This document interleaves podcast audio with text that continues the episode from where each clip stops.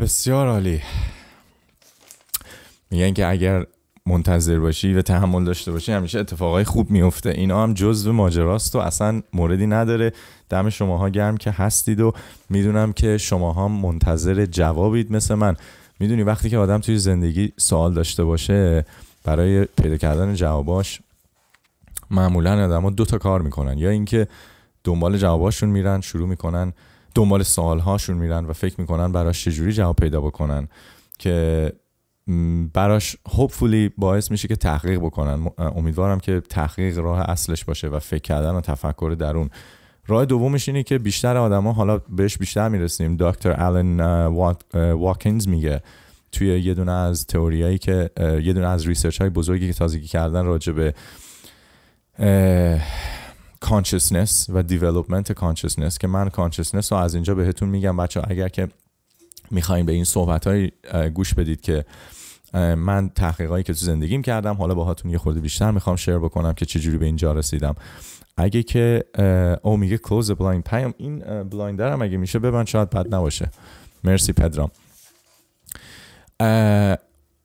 ببینید یه چیزی که هست اینه که بیشتر آدما وقتی که میخوان سوالای اصلی توی زندگیشون میاد که اصلا من چرا روی زمینم هدفم چیه چیکار باید بکنم چیکار نباید بکنم متاسفانه بیشتر آدما سعی میکنن این سوال ها رو بهش فکر نکنن. وقتی که بهش فکر نکنی راهش اینه که خودتو مشغول بکنی که هر کسی هم به یک نحوی میخواد خودشو الان مشغول بکنه که ذهنش درگیر این سوال های اصلی نباشه. یه پیام جون اون سفیده وایت بورد هم میشه به من بدی وایت بورد سفیده مرسی مرسی آره دست در نکنه تانک یو من یه خورده نوت هایی که نوشتم و اینجا میخوام براتون داشته باشم که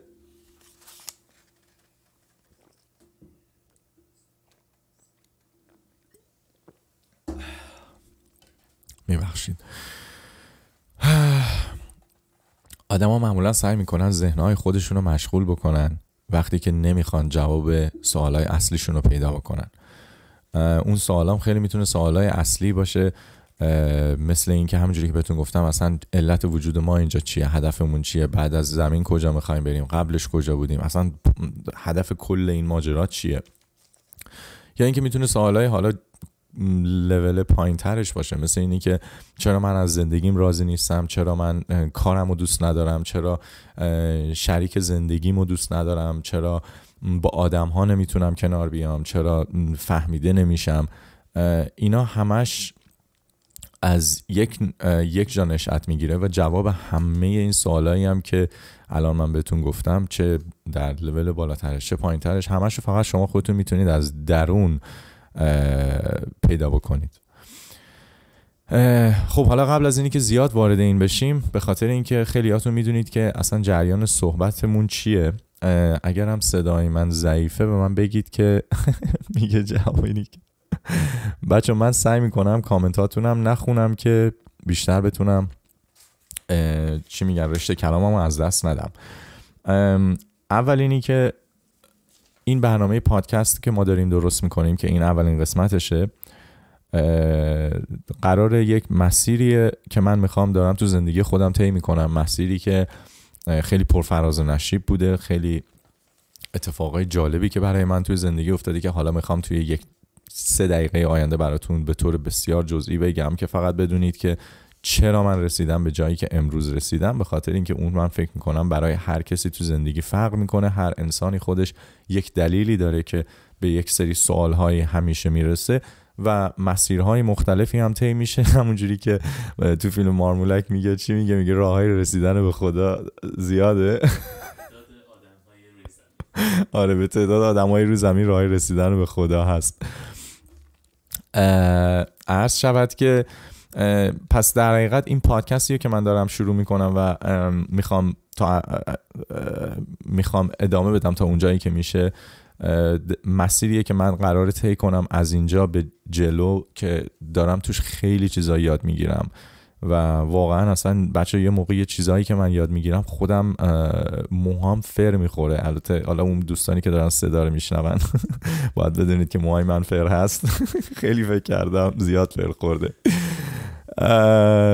عرض شود که نه واقعا میگم اصلا تغییراتی که توی توی آدم به وجود میاد وقتی که شروع میکنیم به خودمون یه خورده فکر میکنیم به جای اینکه زیاد به بیرون فکر بکنیم به خاطر که ما همش فکر میکنیم که زندگی و دنیا اتفاقاییه که داره برامون میفته و بیرون در حقیقت هیچ کدوم اینا درست نیست هرچی اتفاق بیرون داره میفته در واقع داره توی ذهن شما میفته که حالا ما راجع به اونم صحبت میکنیم میخوام فقط همین چند تا نکته اصلی رو بهتون بگم. اولی که همونجوری که بهتون گفتم توی این برنامه میخوام باهاتون مسیر خودم رو در میون بذارم. من نمیخوام به کسی چیزی یاد بدم نه اصلا ادعایی دارم که واقعا هیچی بلدم.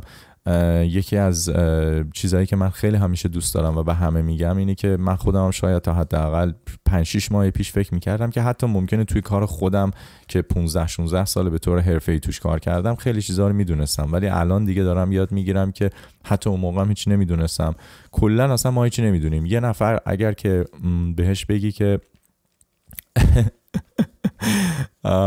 اگر که من قول دادم این کامنت رو نخونم ولی اینجا یه نفر گفت صدات مثل چایی دارچین تو اوج زمستونه نمیدونم یعنی چی ولی بامزه بود عرض شود که دومین مطلبی که میخوام خدمتتون عرض بکنم حالا من میبینید زیاد این ور اونور میشم و خواهش میکنم که سعی کنید این رشته کلامی رو که من دارم هی سعی میکنم از این ور و اون ور میپرم و میپیچم و هم آخر سر میفهمید که هوپفولی چرا اون اتفاق میفته این ویدیوها رو من ضبط میکنم روی یوتیوب میذارم روی وبسایت احتمال زیاد ایران پراود خواهیم گذاشت و صداهاش هم روی همه پادکست پلتفرم های مختلف میذارم که اگر خواستید بعدا بتونید برید دوباره بهشون گوش بدید پس نگران اون نباشید دومین مطلبی که میخوام بهتون بگم اینه که به خاطر که من خیلی حرفایی که باهاتون میزنم بر اساس تحقیقات علمی مدرن هست و چیزای علمی من باهاتون زیاد در موردش صحبت خواهم کرد. اینو باید بهتون به خاطر که من تو کانادا هستم باید بهتون بگم که به طور قانونی من اینو باید دیسکلیمر رو بدم که من به هیچ کدومتون هیچ لیگال ادوایز یا مدیکال ادوایز نمیدم و نظرهایی که دارم میدم بر اساس تحقیقات خودمه و نظر خودمه شما هم اجازه دارید اگر که دوست دارید و فکر میکنید به دردتون میخوره ازشون استفاده کنید به هر نحوی که دوست دارید اگر هم فکر میکنید به دردتون نمیخوره من کماکان به کماکان بهتون احترام میذارم به نظرتون و شما میتونید هر فکری که خودتون دوست دارید رو بکنید فقط تنها چیزی که برای من شخصا خیلی توی زندگی بزرگ شد که الان فکر میکنم به شما هم کمک خواهد کرد. اگر این یک نکته رو بفهمید و درک بکنید اینه که آغاز تغییر مسیر زندگی وقتی اتفاق میفته که شما آماده باشید بتونید نظرهای دیگرانم حداقل بشنوید و هیچ وقت من نمیگم قبول کنید به خاطر اینکه اصلا لازم نیست هیچ کسی نظر هیچ کس دیگه رو قبول کنه تو زندگی. منتهای مطلب شنیدن خیلی مهمه و مخصوصا مخصوصا شنیدن نظرهای مخالفتون. اینی که شما بخواید برید بشینید به حرفهای دوستا و آشناهای گوش بدید که همون حرفایی که خودتون رو باور دارید بهتون از صبح تا شب بگن هیچ فرقی توی زندگی شما به وجود نمیاره و شما هیچ به, به هیچ تکاملی نمیرسید چون حتی اگر که از شما هم کسی بیشتر بدونه در رشته کلام یا در صحبت موضوعی که شما میخواین با هم صحبت بکنید کماکان دارید توی یه مسیر میرید و به خاطر اینی که اون دید متفاوتی رو که هر انسانی با تجربه هاش و با دانشی که ما بهش میگیم دانش در واقعش دانشی هم وجود نداره بر اساس این تجربه هایی که دارن دیدشون روی همه چی تغییر پیدا میکنه که حالا به اونم میرسیم. یک نکته خیلی اساسی و پایه‌ای این که فهم و درکش واقعا به بهتر شدن زندگیتون میتونه فوق العاده کمک بکنه. سومین چیزم که باید اولین با توی اولین برنامه بگم که خیلی برام مهمه اینه که همونی که باز اول بهتون گفتم به خاطر اینی که خیلی ها هستن که متاسفانه به خاطر کم حس حس نقطه ضعف های درونی که خودشون دارن خیلی دوست دارن بقیه رو تخریب کنن. تخریب کردن بقیه هیچ وقت دلیل نمیشه که نشون بده کسی که داره اون عمل انجام میده بهتر از هیچ کس دیگه ای هست. پس اون خیلی مهمه. من هیچ وقت تو زندگیم سعی کردم کسی تخریب نکنم و اگرم کردم الان از هم اون شخص اگه کسی پیدا بشه بگه منو کردی تخریب کردی حاضرم پوزش بخوام به خاطر اینکه اون وقت اون هدفو نداشتم. ولی میخوام بدونید که من هیچ ادعایی ندارم. هیچی نمیدونم. از مرو رو فکت و میبخشید که بچه من انگلیسی هم این وسط ها زیاد صحبت میکنم. این به خاطر اینکه خب من از 14 سالگی از ایران بیرون بودم و تقریبا 15 سال اصلا دورورم غیر از خانوادم کسی خان... میبخشید حدود 12 سال غیر از خانوادم کسی نبود و چون همش دوستام توی مدرسه انگلیسی بودن خیلی کلمه ها رو اینجوری یاد گرفتم ولی همیشه سعی میکنم که کلمه های کلیدی رو که میدونم برای فهمیدن موضوع براتون مهمه رو به فارسی بگم. کمایی که خیلی کسا هستن که این برنامه ها رو خواهند دید که اونا اینجا به دنیا آمدن و اصلا خوب خیلی کلمه های فارسی و متوجه ممکنه نشن سنگین و من برای اونها هم کلمه انگلیسیشو میگم. پس خواهش میکنم که این مخصوصا تو برنامه اول که من دارم بهتون این بهش میگن laying the foundation. یا اینکه میخوام براتون پایه های این شو رو بذارم اینا رو با من راه بیاین تا اینکه به یک جایی میرسه که مطمئنم انقدر اطلاعات زیاد خواهید گرفت که سرتون درد میگیره و بعدا باید برید بشینید یه, یه ساعت فقط به هیچی فکر نکنید چون این اتفاق برای من همیشه میفته اگر که از هر انسانی امروز بپرسید که فکر میکنی باهوشترین و افکتیو ترین یا کسی که مؤثرترین و باهوشترین دانشمند زمان معاصر عصر معاصر بشریت کیه بدون شک الان فکر کنم شما هم بخواید فکر بکنید من تو کل تاریخ مدرن ساینس دارم میگم توی 100 سال گذشته که بهش میگن 20th century. 90 درصد آدما بهتون میگن انشتین یا انشتین فارسیه دیگه درسته؟ انشتین یا آینشتین. انشتین یکی از کساییه که در واقع اومد توی علم فیزیک یک انقلابی کرد که تا قبل از انشتین از انقلاب علم فیزیک بیشتر بر پایه قانون جاذبه نیوتون و بر اساس قانون لایت یا نور مکسول بوده. یعنی دو تا این حرفایی هم که بچا بهتون میزنم خدا رو شکر. خوبیش به اینه که ایرانی ها همه حداقل درس ها رو بچه های بیشتر آدمایی که متفکرن و فکر رو میتونن بکنن. اون خیلی مهمه. حرفایی رو که من میخوام بهتون بزنم که بهتون بگم من چه جوری زندگی ما عوض کردم که شما هم بتونید بکنید که بتونم توی صحبت های اینستاگرام هم گفتم استوریام هیچ هزینه برای هیچ کدومتون نداره یک سری مطالب پایه‌ای لازم داره که شما متوجه بشید. مثل هر چیز دیگه ای تو زندگی مثلا شما نمیتونید یه نفر بفرستید بره مدرسه دکتر بشه چهار سال درس بخونه. اون شخص باید از مدرسه راهنمایی رفته باشه دبیرستان رفته باشه علوم ورداشته باشه شیمی ورداشته باشه فیزیک ورداشته باشه. همینجوری بره سر کلاس پزشکی اصلا نمیفهمه یعنی چی. بعد توی چهار سال قبل از دانش چهار سال دانشگاهشو باید توی رشته علوم طبعا بوده باشه. خلاصش اینه که من یه سری چیزای پایه‌ای رو میخوام بگم و بیام بالا. انشتین که اومد در دنیای فیزیک قبل از خودش فقط بر اساس اصل ماجرای پایه های فیزیک دنیای فیزیک بر اساس قانون جاذبه و گراویتی نیوتن و نور یا همون لایت بر اساس قانون مکسول بود. اینشتین اومد و با نظریه های جنرال relativity specific relativity بر اساس قانون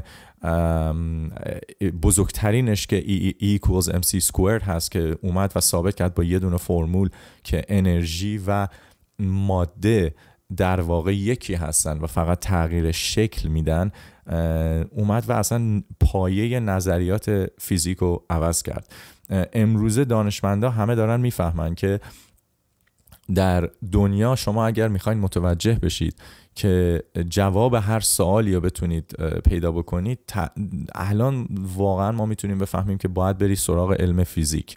اگه دنبال جوابتون در علم هستید. اگه دنبال جوابتون در علم نیستید جواباتون رو معمولا میتونید از دینها یا اشخاصی بگیرید که بهشون حالا توی دینهای مختلف میگن پیامبر که اینها supposedly قرار بوده که مثلا رفتن پیش خدا و با خدا رابطه داشتن و چیزهایی میدونستن که قرار الان جواب سوالهای اصلی ما رو بدن.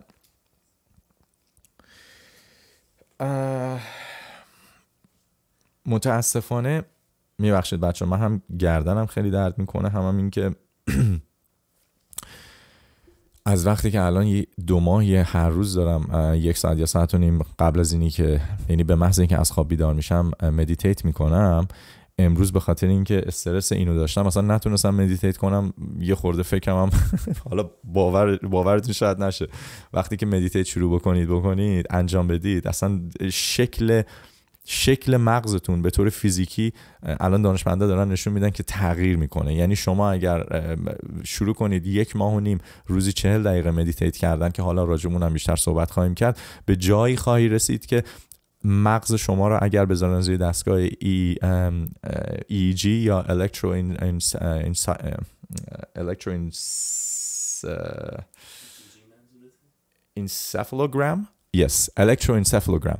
EEG میشه electroencephalogram که اون دستگاه هاییه که میرید پیش دکترا چیز وصل میکنن به مغزتون و اگه این دستگاه ها رو وصل بکنید به مغزتون بعد از یک ماه و نیم روزی چهل دقیقه مدیتیت کردن مغز شما بسیار بیشتر از یک آدمی که مدیتیت نمی کنه اکتیویتی نشون میده یعنی کارهای بیشتری رو رجیستر میکنه عددهای بیشتری رو رجیستر میکنه روی ویوای فریکونسی برینتون پس این یه چیز خرافات نیست این یک چیز بیخود نیست. ولی تنها علتی که من دوست داشتم این برنامه رو اجرا بکنم و اصلا هدفش هم نداشتم حقیقتا. همین جوری که هی داشتم رو استوریا میذاشتم دیدم خیلی از شماها اشتیاق داشتید که شما هم یاد بگیرید و دیدم که چقدر راه سختی بود واقعا یاد گرفتن این چیزایی که من یاد گرفتم. به خاطر اینکه مسیر اینه که شما بخواید به جوابای سوال اصلیتون توی زندگی برسید بچه‌ها یه مسیریه که بالقصد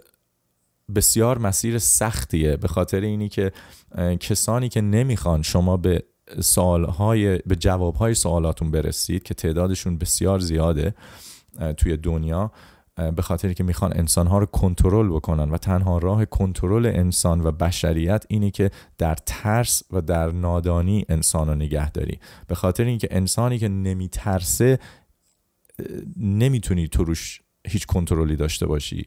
و این یک چیزی نیست که شعار باشه. اینو حالا هی یواش یواش بهش نزدیکتر خواهیم شد و بیشتر متوجهش میشید. مسیریه که بسیار سخته و یه, یه چیز جالبی هست. حالا اتفاقا راجع به موجودات فرازمینی هم این ماجرا بسیار صدق میکنه. چون خیلی ها میگن که تا موجود اسم اسم موجود فرازمینی میاد میگن که او سازمان ناسا هم تا حالا نتونسته چیزی رو ثابت بکنه. یا اینکه مثلا اصلا کو هیچ چیز تا حالا ثابت نشده. چون ثابت نشده ما باور نداریم. جالب ماجرای فرازمینی ها اینه که خود سازمان CIA سازمان جاسوسی آمریکا و National Security Agency که میشه سازمان امنیت ملی آمریکا که اینا نقششون نقش اصلیشون در کنترل اینفورمیشن یا داده های اطلاعاتی در دور دنیا و مخصوصا در آمریکا هست به, به مردم خودشون و به تمام مردم دنیا اینا به یه دفعه تو سر سال 1957 تا 1960 زمانی که خیلی موجودات فرازمینی داشتن توی خبرها زیاد می شدن اینا اومدن گفتن که آقا ما چیکار بکنیم؟ نت... این خبرها به مردم نرسه که موجودات فرازمینی واقعیان یه چیز جالبی که اینا اومدن گفتن این که حالا به انگلیسی شما اول میگم بعد به فارسیش هم بهتون توضیح میدم. میگن که if a secret is too big to hide dump so much shit all over it so people cannot find it. یعنی چی یعنی سازمان CIA میگه که اگر یک حقیقتی انقدر بزرگه که نمیتونید قایمش بکنیم یعنی ما نمیتونیم سازمان CIA نمیتونه قایمش بکنه بیایم انقدر میبخشید گوه بریزیم روش که آدمایی که دنبال اونن نتونن پیداش بکنن به خاطر اینکه الان نمیدونن فرق حقیقت با دروغ چیه که اون اصلا یه صحبت دیگه است حالا ما یه برنامه خواهیم داشت که حتما راجع به فرازمینی ها من دوست دارم باهاتون خیلی صحبت بکنم به خاطر اینی که اتفاقاتی که از الان تا فقط 6 ماه دیگه داره روی کره زمین میفته بسیار اتفاقاتیه که اصلا راه بشریت رو داره عوض میکنه. آمریکا مجلسش به سازمان CIA و NSA 180 روز وقت داده که هرچی اطلاعات اینا دارن راجع به موجودات فرازمینی باید به طور غیر کلاسیفاید یا به طور غیر کلاسیفاید چی میشه؟ یعنی نمیتونن دیگه بگن این ماجرا سریه. مجلس مجلس اومده و گفته که شما 6 ماه وقت دارید که هر چی اطلاعات دارید به ما بدید. و خیلی دروغای جدیدی تو این ماجرا در خواهد اومد ولی شما خواهید شنید که تا 6 ماه دیگه تمام تلویزیون های دنیا وقتی که این مدارک و اسرار میبخشید رو بشه همه شما خواهید شنید. از تمام تلویزیون ها و خبرگزاری های مختلف که سازمان CIA و آمریکا دولت آمریکا برای اولین بار ادمیت کردن اعتراف کردن که موجودات فضایی وجود دارن.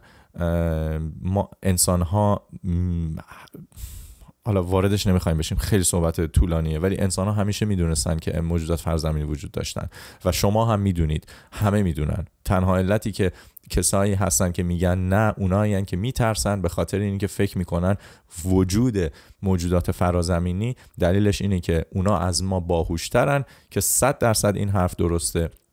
اینی که ما فکر میکنیم بشریت هدیه خدا نمیدونم به زمین و نمیدونم از این چه رو راه هست اینا حرفاییه که ما خودمون واسه خودمون حقیقتا در آوردیم هر کسی هم که فکر میکنه از موجودات دیگه به عنوان یک انسان از حیوانات از طبیعت از حتی درخت از گل از هر چیز دیگه بهتره کسیه که میترسه واقعا حقیقتش نهایتش همینه برگردیم سراغ لطفا اگه اجازه بدید انشتین و بهتون میخوام این ماجرای جالبی رو بگم. انشتن کسی بودش که همونجور که شما بهتون تو عضو میدادم بعد از چون نیوتن 300 سال پیش اومد و خب ماجرای گراویتی و جاذبه رو طرح کرد. و بعد از نیوتن دومین نظریه بزرگ دنیای فیزیک نظریه لایت مکسول بود. و سومین کسی که اومد کلا دنیای فیزیکو زیر و رو کرد انشتین بود که اومد گفتش که یکی از این دوتا نظریه نمیتونن با هم دیگه تطابق داشته باشن به خاطر اینکه یه ذره کانترادیکتوری بودن. پس نظریه اسپسیفیک ریلیتیویتی آورد بعد جنرال ریلیتیویتی آورد و نهایتا با ماجرای ای, ای equals mc squared اصلا اومد و دنیای فیزیک و بیولوژی و کمیستری و همه رو ترکوند. ام عرض شود که سلفون من بود نه عرض شود که حالا میخوام بهتون اینو بگم یک همچین فکری که هنوز که هنوزه همه دور دنیا وقتی که میخوان راجع به باهوشترین انسان ها صحبت بکنن میگن که باهوشترین انسان زمان ما انشتین بوده یک همچین انسانی به مراتب توی خاطره هاش و توی صحبت هاش وقتی که بهش میگن تو به با عنوان باهوشترین انسان همون موقع هم که مصاحبه داشته بهش میگن تو به با عنوان باهوشترین انسان چی فکر میکنی؟ میگه که من اصلا هیچ فرق با بقیه ندارم. جالبیش اینه که انشتین علنا معروفه به اینی که گفته من هر چی که بیشتر میفهمم بیشتر میدونم که هیچی نمیفهمم. آخ آخ آخ بچه‌ها میبخشید. آه اینقدر کمر گردنم درد میکنه این صندلی هم خیلی ناراحت پیام باید یه صندلی فکر خوب بکنیم چی به خدا اصلا نمیدونم این صندلیه انقدر داره به من عذاب میده گردن و کمر و همه چیم داره داغون میشه بذارید من این یه خورده بکشم اینجا آخش خلاصش که همه اینا رو بهتون گفتم که بگم آقا اگر انشتین که باهوشترین کسیه که اومده دنیای فیزیک ما رو زیر رو کرده میگه من هیچی نمیفهمم من آقا اصلا هیچی نیستم از اینجا به بعد هر کسی اومد بهتون گفت عرس یه چیزی میدونه شما بهش بگید نه عرس هم هیچی نمیدونه من خودم هم هیچی نمیدونم اینو اول از همه بگیم تمومش بشه بره و با وجودی که هیچی نمیدونم چند تا چیز کوچیکی رو که یاد گرفتم که زندگیمو دگرگون کرده رو دوست دارم با شما در میون بذارم.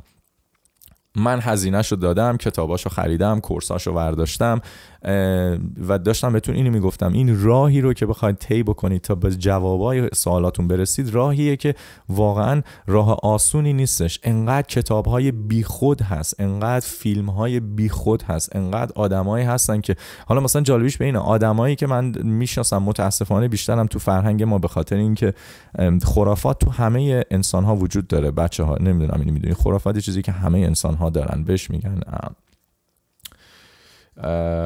او من یعنی یه چیزی که جزء انسان هاست ولی توی اجتماعاتی که فه... رابطهشون با حقیقت های زندگی فاصلش بیشتره خرافات هم بیشتر به چشم میاد در نتیجه شما میبینید که توی کشورهایی که هنوز در, در حال پیشرفت هستن کشور در حال توسعه خرافات خیلی بیشتر هست به مراتب نه اینی که علتش این نیستش که اون مردم نمیفهمن علتش اینه که خب اون مردم یه خورده هنوز خوابشون عمیق تره تا کسایی که خرافات رو کمتر باور دارن ولی جالبش به که خیلی از کسایی که دنبال روشن شدن و به انگلیسی بهش میگن enlightenment بچه ها enlightenment یعنی اینکه بتونی با خودت و با higher consciousness خودت consciousness. هم بهتون گفتم کلمه ای که زیاد از من میشنوید consciousness.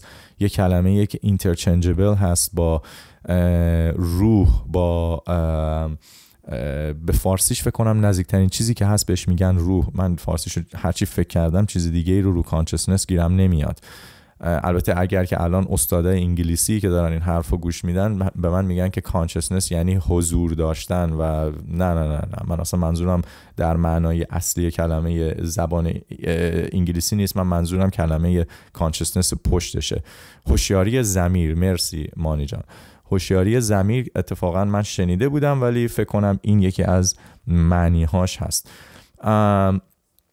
کانشسنس خلاصش برای اینکه بخوای بهش دسترسی پیدا بکنی که در ضمن کانشسنس چیزی که همه دارن همه انسان ها اصلا شما زندگی باید کانشسنس داشته باشی. فرق بین یک انسانی که زنده هست با یک انسانی که مرده هست فقط در وجود کانشسنسه در وجود اون روحه. اون چیزی که بهش میگن حالا توی دینا بهش میگن روح هوشیاری زمیر الان مثل این که بهش میگن. به خاطر که وقتی که ما داریم صحبت میکنیم راجع به کانشسنس خیلی اصلا نمیفهمن میگن یعنی چی؟ من خب دارم فکر میکنم من همه چیزو متوجه میشم. نه. شما فکری که دارید میکنید با بدنی دارید میکنید که اون بدن مثل ماشینه. کمایی که بسیار ماشین فوق و بسیار ماشین قدرتمندیه. ولی کماکان کل کل بدن از سر تا پاش یک ماشینه که هدفش اینه که کل بدن شما کارش اینه که باعث بشه که کانشسنس شما روی زمین در این دنیای سبودی یا 3 dimensional world که ما توش زندگی میکنیم جایگاه خودش رو بدون کجاست؟ واقعا بدون من الان اینجا وایسادم. به خاطری که حس میتونید بکنید کجا وایسادید.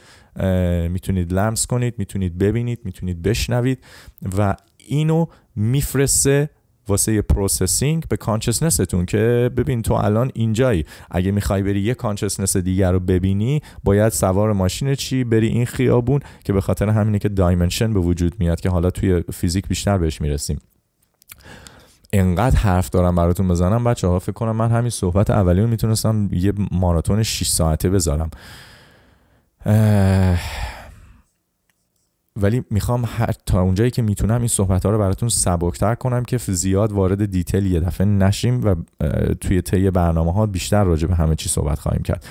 آقا بریم صحبت سر یه لحظه کانشسنس و اینا رو نگه دارید. من میخوام بهتون به طور سریع بگم که اصلا چی شد که این شد؟ اصلا من از کجا اومدم به اینجا؟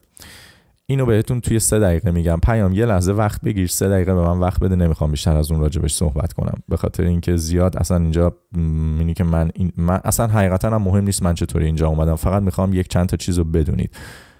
سه دقیقه بریم. خب جریان من تو سه دقیقه اینه که من توی شیراز به دنیا اومدم. توی 14 سالگی از ایران اومدم بیرون. 20 سال الان توی کانادا هستم. توی شیراز وقتی که بچه بودم داشتم بزرگ می شدم مدرسه می رفتم همیشه خیلی درس خون بودم خیلی عاشق درس خوندن بودم. هنوزم که هنوز من عاشق یاد گرفتنم و وارد کانادا که شدم کارهای متفاوتی کردم هفت تا بیزنس مختلف شروع کردم پنج تاش به طور کل شکست خورد دو تاش خیلی خوب کار کرد توی بیزنس اینترتینمنت یا دنیای موزیک. به طور حرفه‌ای وارد 15 سال مارکت ایرانی شدم. با خواننده های متفاوتی کار کردم. دور دنیا رو سفر کردم. بالای 300 تا 320 تا عروسی انجام دادم. بزرگترین برنامه هایی که توشون بودم 6000 نفر بر آدم بودن که جلوشون اجرا کردم. و میخوام فقط بگید بدونید که من با خیلی از دوستان وقتی که میگم من چهار سال افسردگی داشتم من جمله حتی خانواده خودم خیلی براشون سخت بود که یعنی چی؟ اصلا این آدم همیشه حالا برید تو اینستاگرام منم نگاه بکنید میبینید. میگن این آدم همیشه داشت میپرید بالا و پایین دیجی شاده میخنده. ولی حقیقتا کسایی که افسردگی دارن دلیل نمیشه که حتی دوروریاشون بفهمن. چه بسا که خودتون بفهمید. اصلا یه ماجرای خیلی بزرگ و سختیه که همه اینا از افسردگی شروع شد. نهایتش اینه که من خیلی کار کردم کارمو به عنوان کار بهش فکر نمی کردم هیچ وقت همیشه دنبال عشقم بودم همیشه دنبال دلم بودم. خواستم به جایی برسونمش که برای دلم کار کرده باشم و منو به جایی رسونده که با دوستای خوبم توی رادیو جوان کار می کردم برای مدت چند سال خیلی تجربه خوبی بود. الان دارم با دوستای گلمون توی بچه های من و تو و ببین تیوی الان همکاری میکنم چند فصله که بیشتر شماها رو بای وی دمتون گرم عاشقتونم از توی این دوتا گروه من کشیدم توی اینجا و دوره هم جمع شدیم و حس میکنم همه این خوبی هایی که الان داره اتفاق میفته به خاطر اینه که قرار اتفاقات بسیار بهتری در طی چند سال آینده برای کل دنیا بیفته برای همه ماها بیفته و منم یک مهره کوچولو هستم که تازه دارم میفهمم که شاید کاری که من باید میکردم این بوده که باید اطلاعاتی که داشتم و بیشتر با بقیه در میون میذاشتم. همیشه فکر میکردم هدف من اینه که انسانها رو شاد کنم در صورتی که تازه دارم متوجه میشم که اشتراک اطلاعات با اطلاعات واقعی به خاطر اینکه اون خیلی مهمه که به کسی اطلاعات منفی ندیم به کسی اطلاعات اشتباه ندیم. اگر باوری داریم به با آدما بگیم که این باور ما هست. مرسی پیام. این باور ما هست و شما هم میتونید هر جوری که دوست دارید به این ماجرا فکر کنید ولی این دلیل نمیشه که من بهتر از شما بدونم یا شما کمتر از من بدونید. این فقط دلیلش اینه که من یه سری چیزا رو میدونم که شما ممکنه هنوز ندونید و شما هم خیلی چیزا رو میدونید که من نمیدونم بچه ها خلاصش به اوج کارم که من رسیدم ژانویه 2019 بچه ها دیگه افسردگی من 2017 شروع شد. من خودم 2018 شروع کردم احساس کردن که یه چیزهایی درست نیست. من حس خوبی ندارم مثل قبلا. با وجودی که مثلا دیجی می کردم برنامه هامو داشتم اون حس ذوق و اشتیاق و عشقی که درون من بود مثل قبل نبود. 2018 شروع شد که دیگه تقریبا حس قوی شده بود که دیگه داشت منو به قولن گراوند میکرد. می اوورد پایین یه خورده.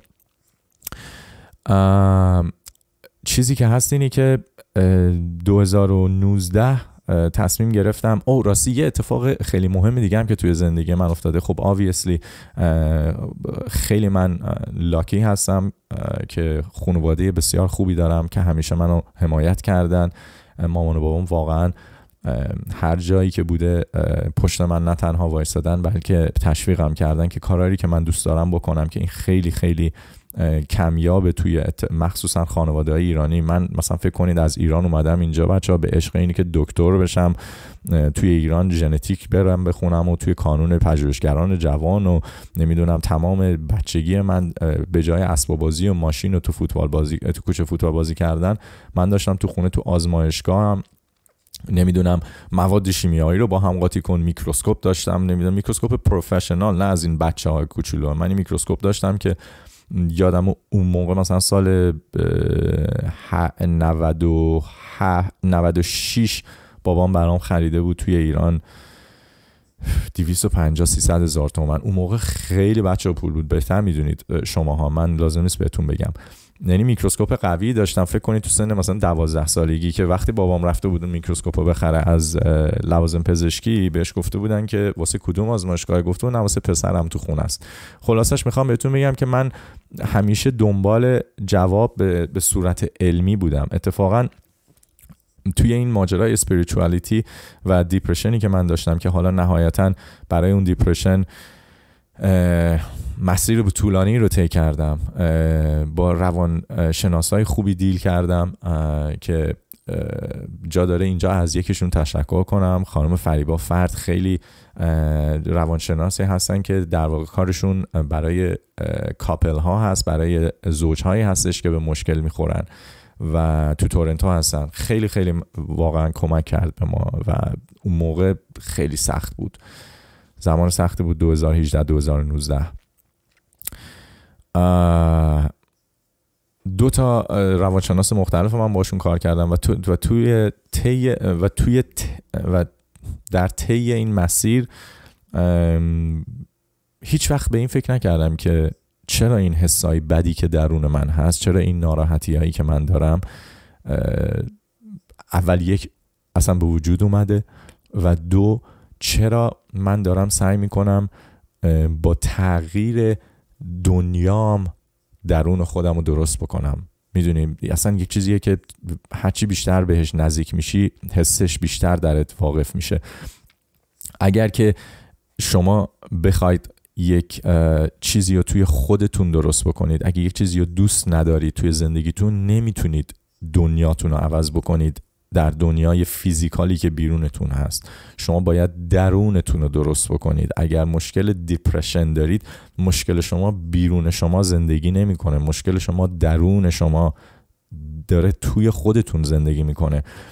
به اون بیشتر بیشتر خیلی بیشتر صحبت خواهیم کرد در مورد اونم ولی مطلب بزرگش این بود 2019 من به جای رسیدم که دیگه تصمیم گرفتم مثلا کانادا رو ترک کنم برم برای آمریکا به خاطر که میخواستم زندگیمو به کل تغییر بدم. و توی این 20 سالی هم که کانادا بودم یه اتفاق خوب دیگه هم که افتاد که خیلی من خوشحالم و واقعا به قول انگلیسی ها I feel blessed اینه که یک پارتنر یا یک شریک زندگی خیلی خوب پیدا کردم که اسمش ستاره است. حالا خیلی از شماها میشناسیدش اگرم نه بیشتر امیدوارم توی این مدت که داریم میریم جلو بیشتر ببینیدش بشناسیدش. نه سال با همیم الان و حالا علتی که مهمه اینه که ستاره هم جزوه یعنی شریک زندگی شما مهمترین جزو مهمترین چیزهاییه که میتونه زندگیتون رو به اون جایی که تو نظرتون هست برسونه یا شما رو کاملا از اونجا دور بکنه پس راجع به رابطه و شریک های زندگی و اینا هم به خاطر که بچه من دو س... یک سال و نیم ما فقط پیش روانشناس رابطه های زوجی رفتیم که واقعا خوب بود خیلی عالی بود با خانم فریبا همجوری بهتون گفتم از اونجا تجربه های زیادی داریم و بعد شروع کردیم من و ستاره خودمون کلی هی تحقیق کردن مطالعه کردن که بازم به اطلاعاتمون اضافه تر شد خلاصش به اینه که من راجع به اونم حتما باهاتون خیلی صحبت خواهم کرد به خاطر اینکه میبینم که چقدر آدما دور و برم همه دنبال عشق میگردن و متاسفانه پیداش نمیکنن به خاطر اینکه نمیدونن چرا پیداش نمیکنن. مهم اصلش اونه. میبخش.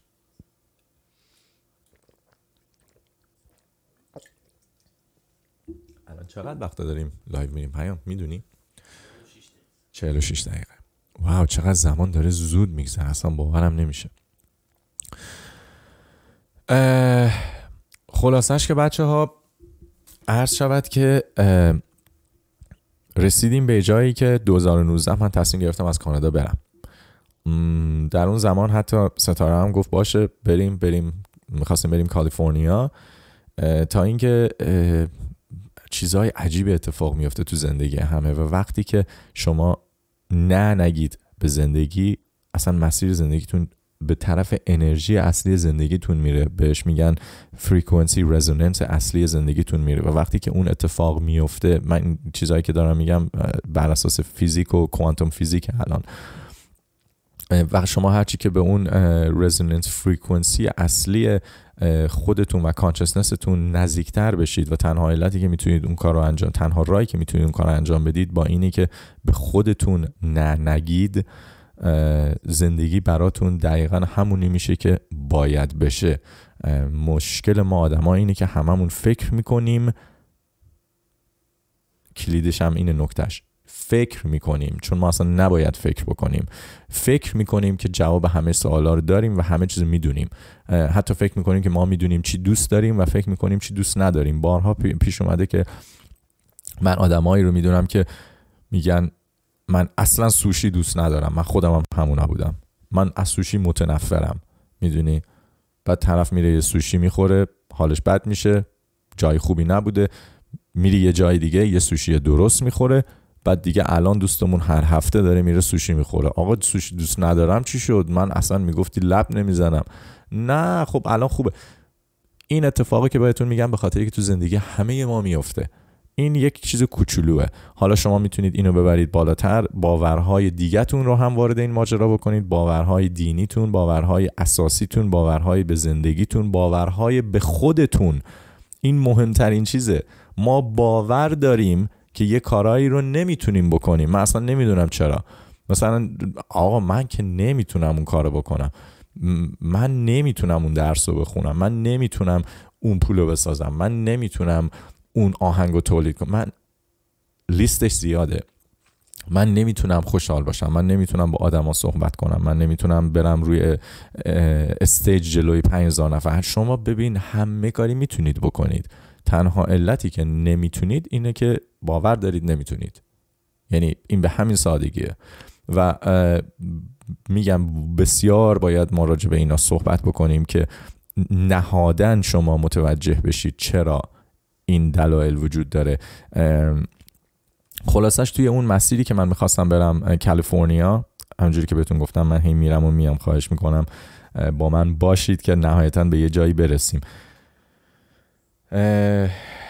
یکی از دوستای خیلی خوبم با من تماس گرفت.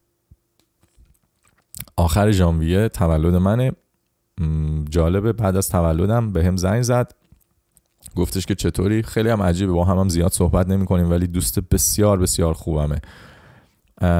گفت چطوری؟ حالت خوبه؟ گفتم مرسی ممنون. گفتش که چیکار میکنی؟ گفتم چی دارم میرم میخواستم بهت زنگ بزنم اتفاقا بگم من دارم میرم و میخوام برم کالیفرنیا.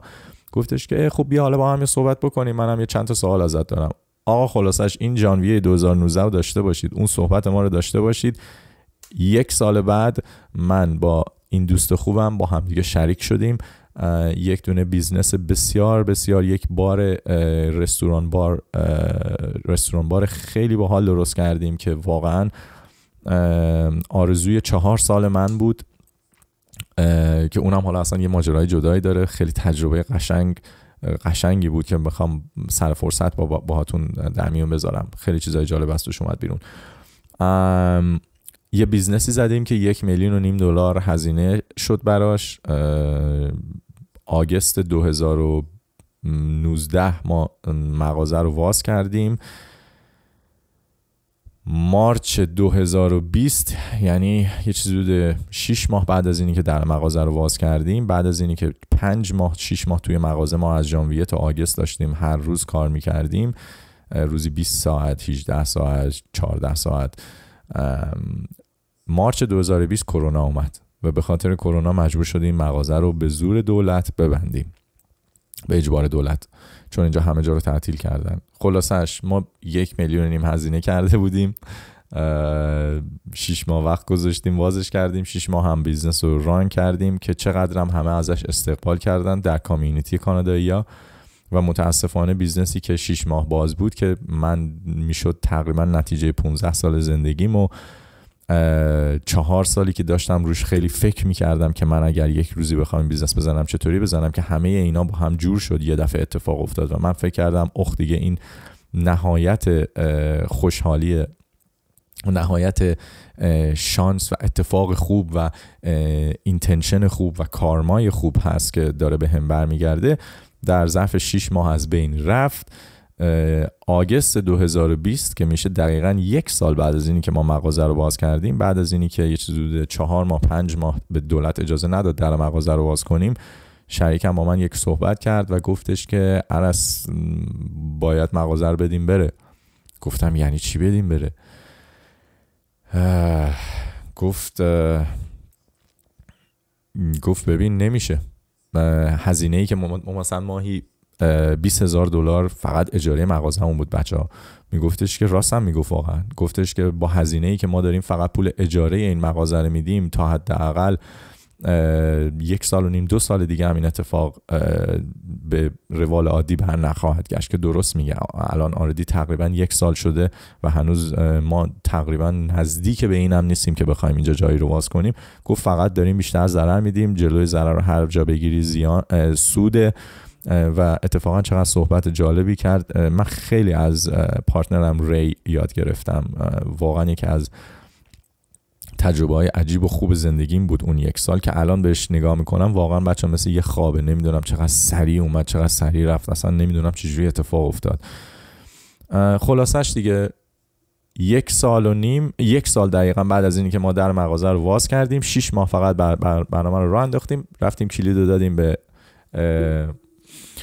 لندلورد یا صاحب ملک گفتیم که آقا این مال شما ما دیگه نیستیم که اون دیگه شد اوج دپرشن و افسردگی من به خاطر اینکه من گفتم او مای گاد من میخواستم ژانویه برم الان موندم هر چی هم که گذاشته بودیم از دست دادیم و بازم ری خود پارتنر من با وجودی که خداییش در واقع اینوستینگ پارتنر بود و خیلی از سرمایه‌ای که رفته بود مال ری بود در واقع همش مال ری بود.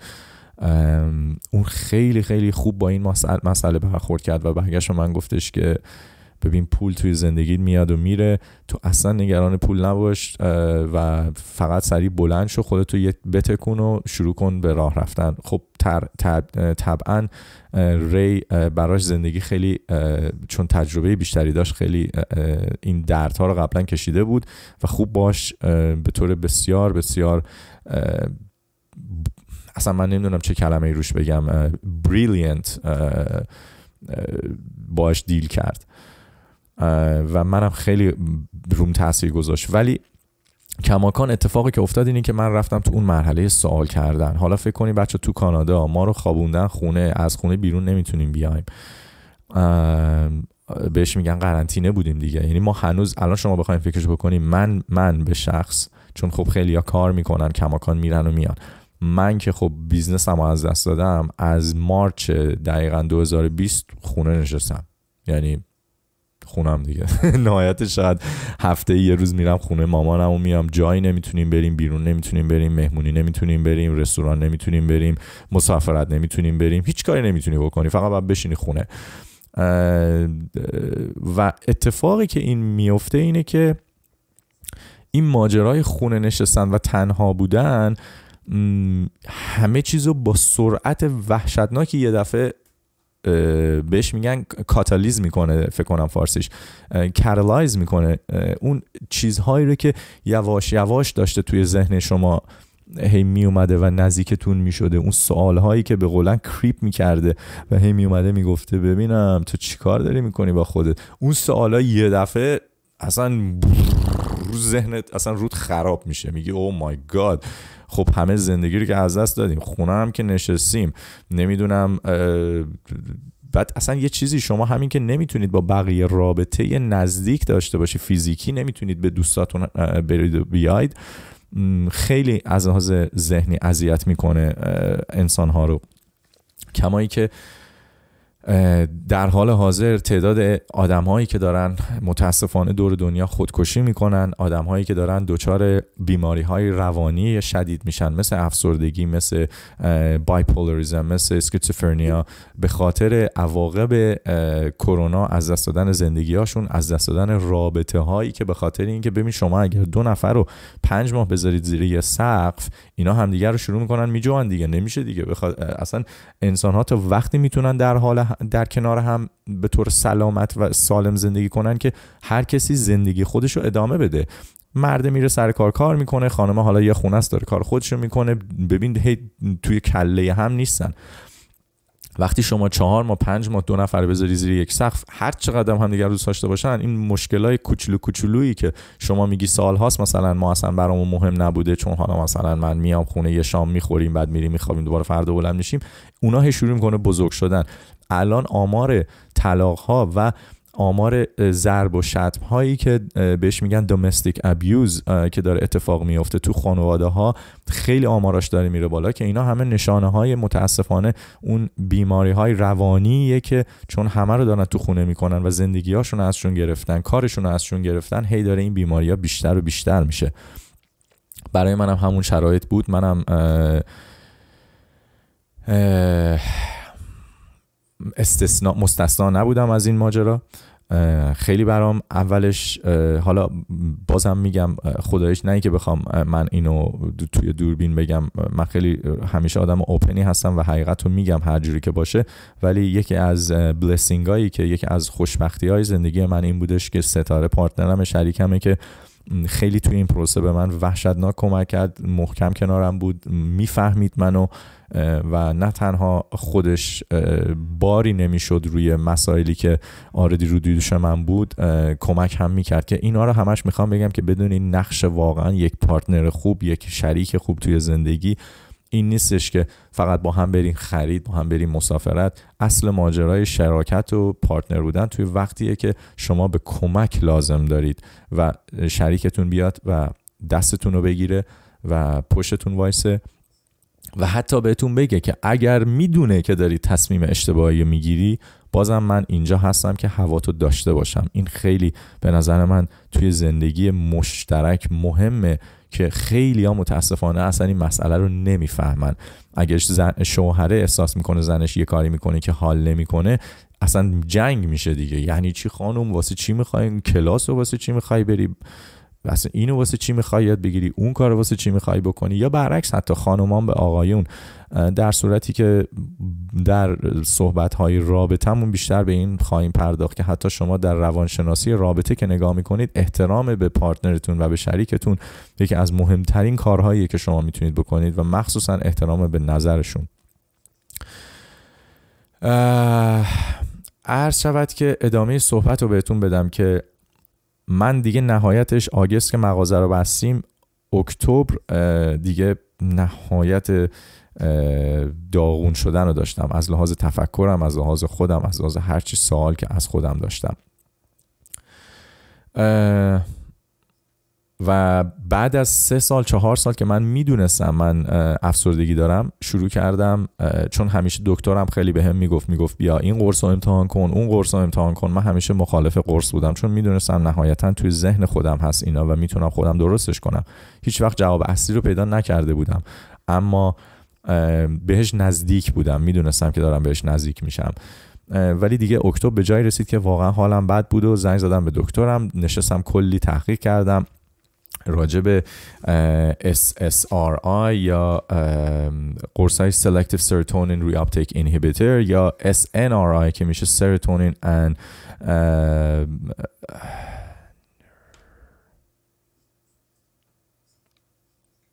دست خط خدا هم نمیتونم بخونم بچه ها SNRI, SSRI دو تا خانواده قرص هایی هستن که در زمان حاضر بسیار رونق دارن به خاطر اینکه ساید افکت هاشون یا ساید افکت چیه؟ اثرات جانبیشون خیلی کمتر از قرص های قبلی هست مثل والیوم که خیلی قرص خطرناکی بوده ولی کماکان خیلی هم اعتیاد آور هستن اگر که روشون بخوای بمونی و وقتی هم که حتی میری روشون و دیگه قرص رو نمیخوری بعد از یه دوره ای که دکترتون بهتون میگه روی این قرص ها معمولا سی درصد هستش که شما میتونید ریلپس کنید به قولن یا دوباره برگردید به حالت قبل از قرصتون به هر حال هر چی که این قرص ها هستن حالا بعدا میتونیم راجع بهشون بیشتر صحبت بکنیم. تحقیقمو کردم و با وجودی که دلم راضی نبود به دکترم زنگ زدم گفتم آقای دکتر دیگه بده بیاد. که این لحظه رو من در واقع تو خودم دیگه فکر کنم توی خاطراتم هم که نوشتم نگاه میکنم جز دارک ترین و تیره ترین لحظاتی بودش که درونن احساس میکردم که هر کسی هم این لحظات رو توی زندگیش داره بعضیا بیشتر بعضیا کمتر ولی همه اینو دارن تو زندگیشون بر اساس آمار سازمان بین الملل تقریبا سی تا چهل درصد انسان ها بستگی به محل زندگیشون داره در طول زندگیشون افسردگی و دیپرشن رو حتما خودشون به این نتیجه خواهند رسید که دارن تحمل میکنن و دارن باهاش دیل میکنن بسیاری از انسان های دیگه بای دی وی هستن که به اون نتیجه نمیرسن و فکر میکنن فقط ناراحتن فکر میکنن فقط از زندگی ناراضیان در صورتی که اونها هم دارن این عددهایی رو که سازمان جهانی داره به اشتراک میذاره بر اساس کساییه که میرن دنبال درمانشن بیشتر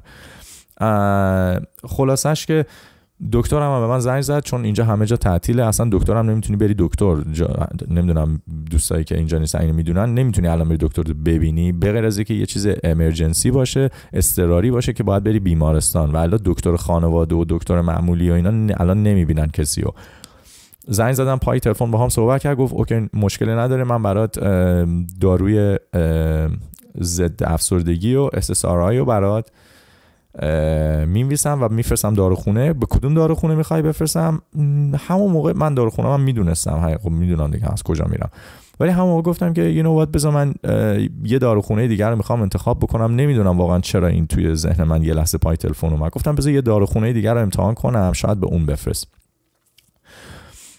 گوشی رو که قطع کردم گفتم اوکی وایس مثلا من چرا دارم این کارو میکنم یه دفعه انگاری به خودم اومدم که گفتم که اصلا اون جریانی که درونت بود چی شد؟ خودت چی شدی؟ چرا داری گیو اپ میکنی؟ این دارو رو بخوری شروع کنی بری؟ بعدم نیست. به خاطر همین گفتم. من به هیچ کس نمیخوام بگم دارو نخورید دارو بعضی خیلی ها رو جونشون رو نجات میده.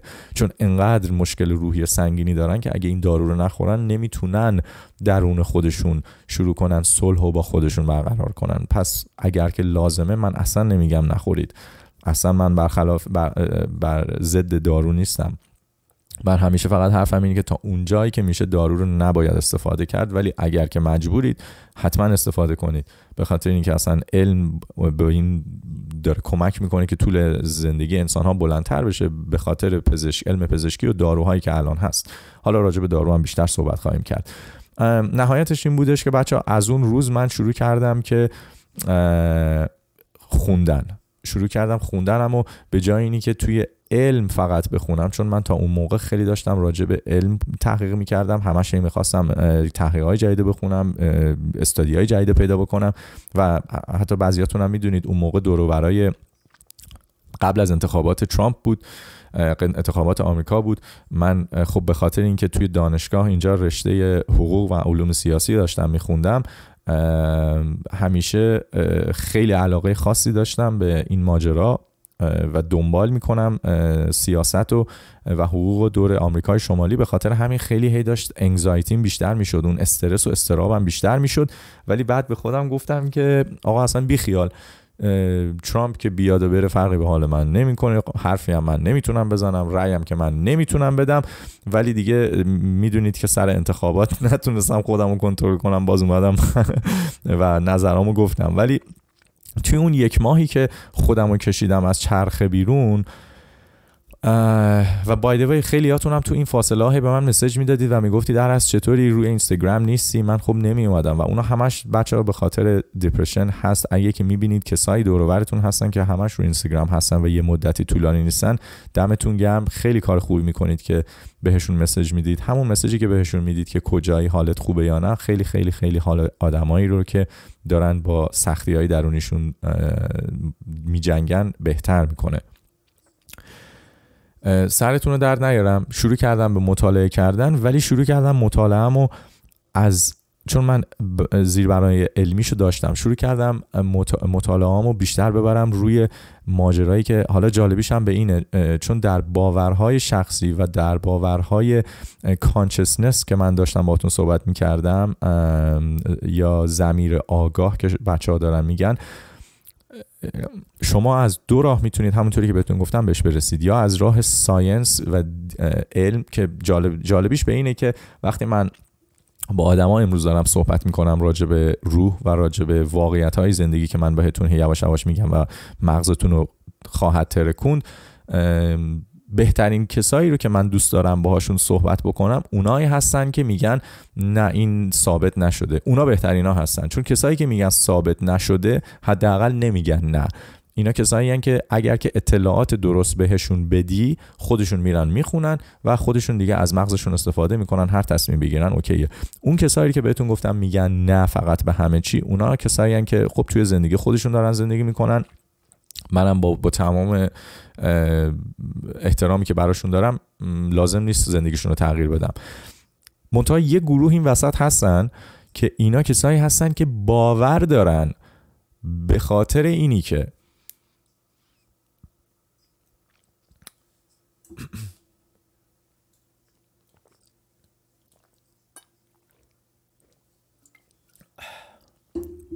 میبخشید یه سری ها هستن که باور دارن به خاطر اینی که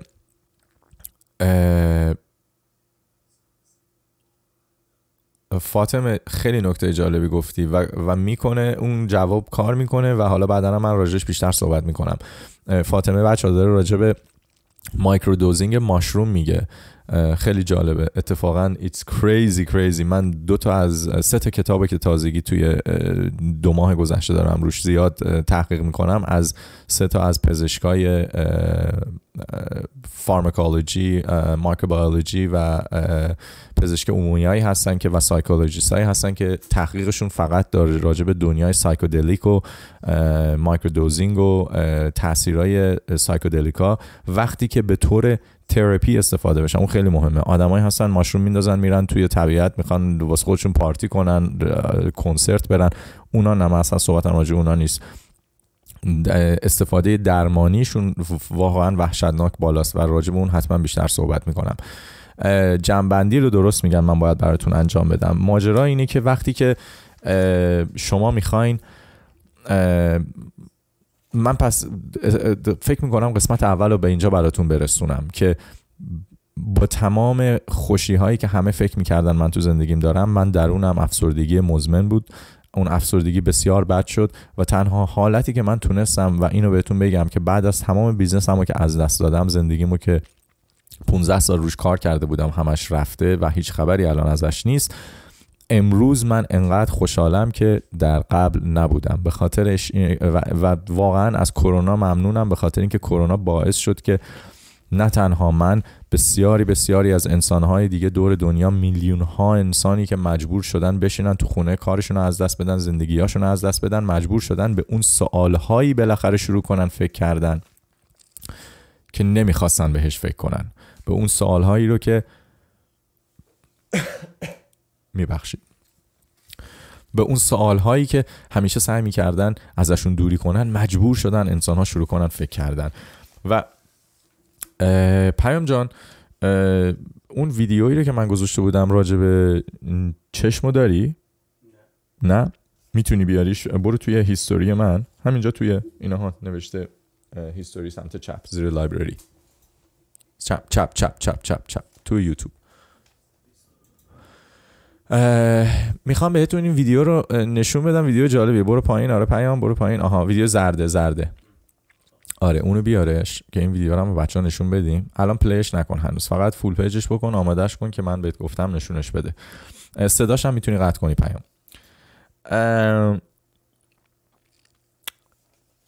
اگه بخوام امروز توی اولین قسمت برنامه بهتون یک چیز بگم که بخوام با اونم صحبت رو تموم بکنم که بریم سراغ اپیزود بعد برنامه. تا قسمت بعد که فکر کنم دو هفته یه بار اجراش بکنیم این برنامه رو. یه چیزی که امروز میخوام بهتون بگم که خیلی جالبه اینه که اگر یک چیزی هست که میتونه زندگیتون رو تغییر بده اینی که اینی که شما قبول بکنید که هر چیزی که دارید تجربه میکنید هر چیزی که الان دارید میبینید هر چیزی که دارید میشنوید هر چیزی که میتونید لمس کنید همش فقط یک رویاست اوکی به انگلیسی بهش میگن dream یا hallucination. این یک چیزیه که کاملا یک نکته علمیه اگر که من هر کسی بخواد میتونید با من تماس بگیرید من بهتون میتونم منابع حقیقی علمی رو که لازم دارید بخونید بگم. متاسفانه ماجرایی که هست اینه که تمام کسایی که دانشگاه رفتن یا درس میخونن اینو میدونن. کتاب هایی که به ما تدریس میشه مخصوصا در مدارس در مدارس به ما تدریس میشه. تقریبا چهل سال از حتی تحقیقات علمی که خود جوامع ساینتیفیک با هم قرار دارن و سرش اگری میکنن تو مدارس ما 40 سال عقبیم. توی دانشگاه که شما وارد شید تا زیر مدرک پی اچ دی شما تقریبا هنوز 20 سال از تکنولوژی های از ریسرچ های جدید عقب هستید. بر اساس کتابایی که دارید میخونید. و تازه وارد ماجرای پی اچ دی که میشید اصلا یه ماجرای جدیدی میشه که حالا پیام راجبش بیشتر توضیح خواهد داد پیام.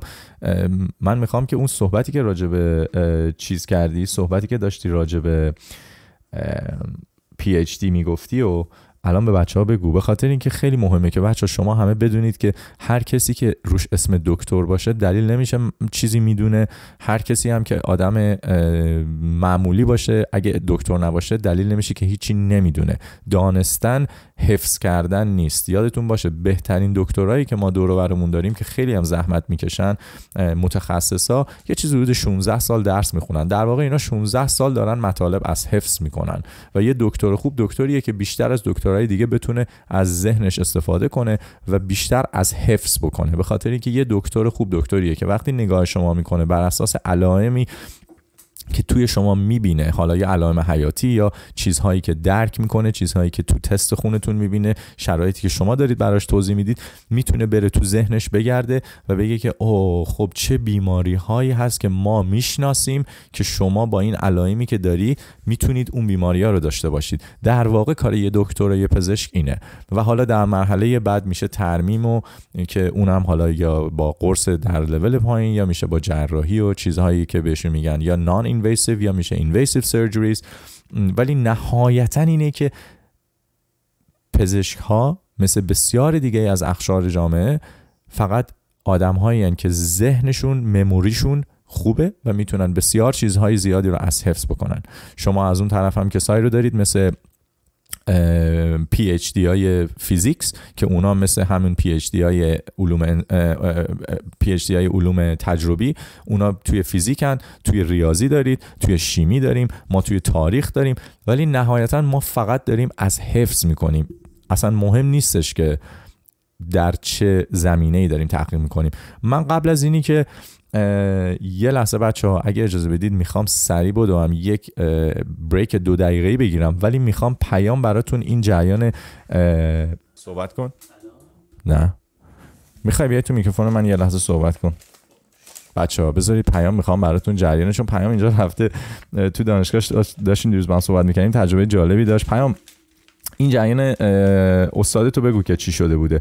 میخوام بدونی که کسی که میره توی دانشگاه و میخواد مدرک پی اچ دی بگیره اول که پروسش چیه چه مسیری رو باید طی بکنه و چه جوری به اون مسیر میرسه و برای اینی که بتونه پی اچ رو بگیره چه کارهایی باید انجام بده که میخوام نهایتا یک چیز از این ماجرا بگیرید. ولی اینا رو گوش کنید به خاطر اینکه تا وقتی که ندونید نمیتونید با آدمهایی که ادعای دانستن دارن صحبت بکنید. پس اولین چیزی که بتونید شما به خودتون کمک بکنید اینی که علمتون رو زیاد کنید. پیام یه لحظه بیا یعنی دانش رو میبخشید خب اولا اینکه من مرسی عرس. حالا عرس رفت یه بریک دو دقیقه بزنه بیاد.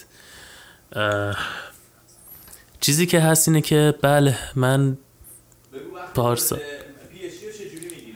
پارسال خب بالاخره از دانشگاه من فارغ التحصیل شدم و خب بالاخره رفتم برای اینکه مدارک دیگه ای بگیرم حالا بتونم ادامه بدم و هر چیزی.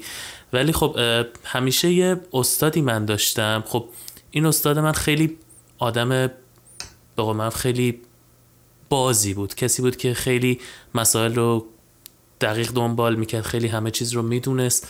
ولی چیزی که برام جالب بود این بود که کسی که داره اینجا پی اچ دی رو میگیره کسی که داره وارد بحث مثلا آکادمیک میشه موقعی که داریم میخونیم خب بالاخره حالا ما داریم همه چیز رو یاد میگیریم داریم یه چیزی رو پیدا میکنیم یه چیزی رو باید ثابت کنیم. حالا متن ادبی اگه متن علمی هر چیزی ما همه اینا رو به قول خودشون میگن سایت میکنی یا داری یه چیزی رو از یه کسی میگیری ولی توضیح میدی راجبش.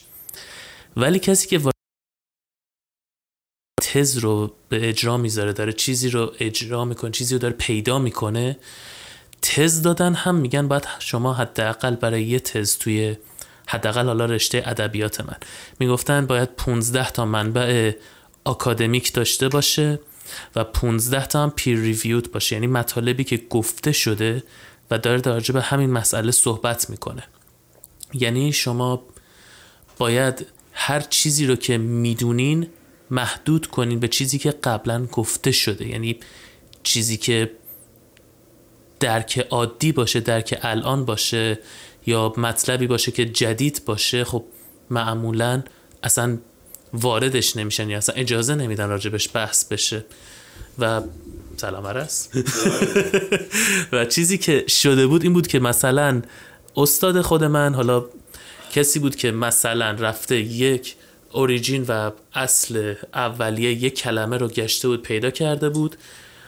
بر اساس خیلی مسائل یعنی مثلا فرهنگ و کالچر و دیکشنری و هر چیزی بالا و پایین و چپ و راست و چیزی که پیدا کرده بود دانشگاه قبول نمیکرد میگفت چون مراجعه به این منبع ندارین یا کسی اینو نگفته یا کسی اینو ثابت نکرده یا اصلا کسی در مورد این صحبت نکرده و چیزی که برای من جالب بود این بود که خب زبان اولش هم خب انگلیسی نبود ایتالیایی به خودش ولی با دانشگاه نزدیک به 23 4 سال رفت و آمد داشت که اینا قبول کردن که بله این مطلب خودش به اندازه کافی تحقیق انجام داده که دیگه الان لازم نداره منبع داشته باشه. دیگه اصلا نیاز نداره. وقتی آره کسی پی اچ دی میشه داره یه مطلب جدید اضافه میکنه نه که همونی که هست بله. و کپی پیست کنه. سال بره دقیقاً. آره دیگه کپی پیست همه میتونن کپی پیست کنن. کامپیوتر هم کپی پیست میکنه ولی دانشگاه میگه یاد بگیر باز شو. بفهم. مرسی. مرسی پیام. خب. میخوام فقط یه چیزی رو در نظر بگیرید. یعنی که وقتی که شما این چقدر بالا؟ جلو چه من بود؟ وقتی که شما بالا الان فکر کنم صدا بهتر شه ها؟ وقتی که بچه ها شما بتونید وقتی که میخوایم برید رشته پی اچ دی یعنی مدرک پی اچ دی بگیرید هدف این ماجرا نکتهش این بود که شما نمیتونید برید بگید که او من میخوام یک چیز کاملا جدید و راجبش صحبت بکنم. شما کماکان به عنوان یک کسی که میخواد یه تزی بده و باید وقت رو بگذارید و اونو با تحقیق بکنید راجبش و یک نکته رو پروف بکنید باید از زیرزمینه های آماده شده قبل استفاده کنید که اون میشه یکی دیگه از اون ماجراهایی که بهتون گفتم. وقتی که یک سیکرتی انقدر بزرگه که نمیتونی قایمش بکنی باید کلی آشغال بریزی روش که آدما نتونن لای اون آشغالا اون سوزن رو پیدا بکنن. این هم یکی دیگه از اون ماجرا هاست. اصلا سیستم تحصیلی حالا بیشتر راجبش اونم حرف میزنیم حتما در آینده. ولی سیستم تحصیلی اصلا یک سیستمیه که در واقع کارش شستشوی مغز انسان هاست و پروپاگندا هست. هم در زمینه علم هم در زمینه معنوی هم در زمینه تاریخی هم در زمینه خودشناسی. اصلا مثلا توی ماج... یه چیز جالب اینه که این همه ما مدرسه میریم. من همیشه این برام سوال بود.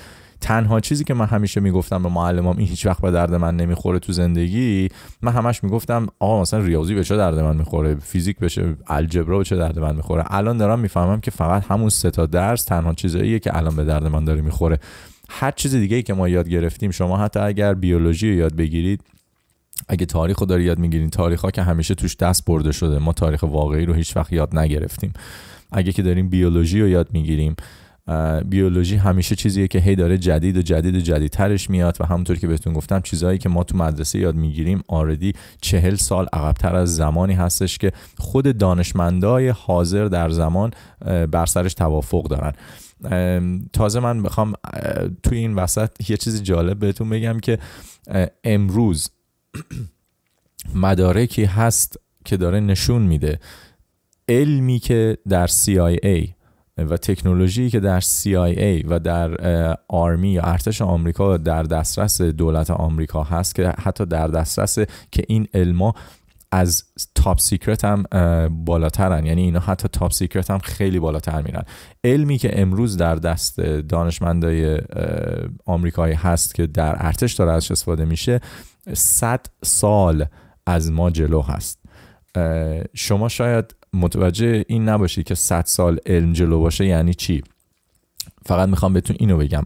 اینترنتی که امروز ما داریم الان ازش استفاده میکنیم و شما دارید منو روش میبینید این اینترنت 100 سال پیش برای CIA درست شده بوده که الان من و شما داریم رو اینستاگرام باش صحبت میکنیم میخوام بدونید که 100 سال پیش سال 1920 مردم هنوز سوار اسب بودن واقعا میگم اسب و درش...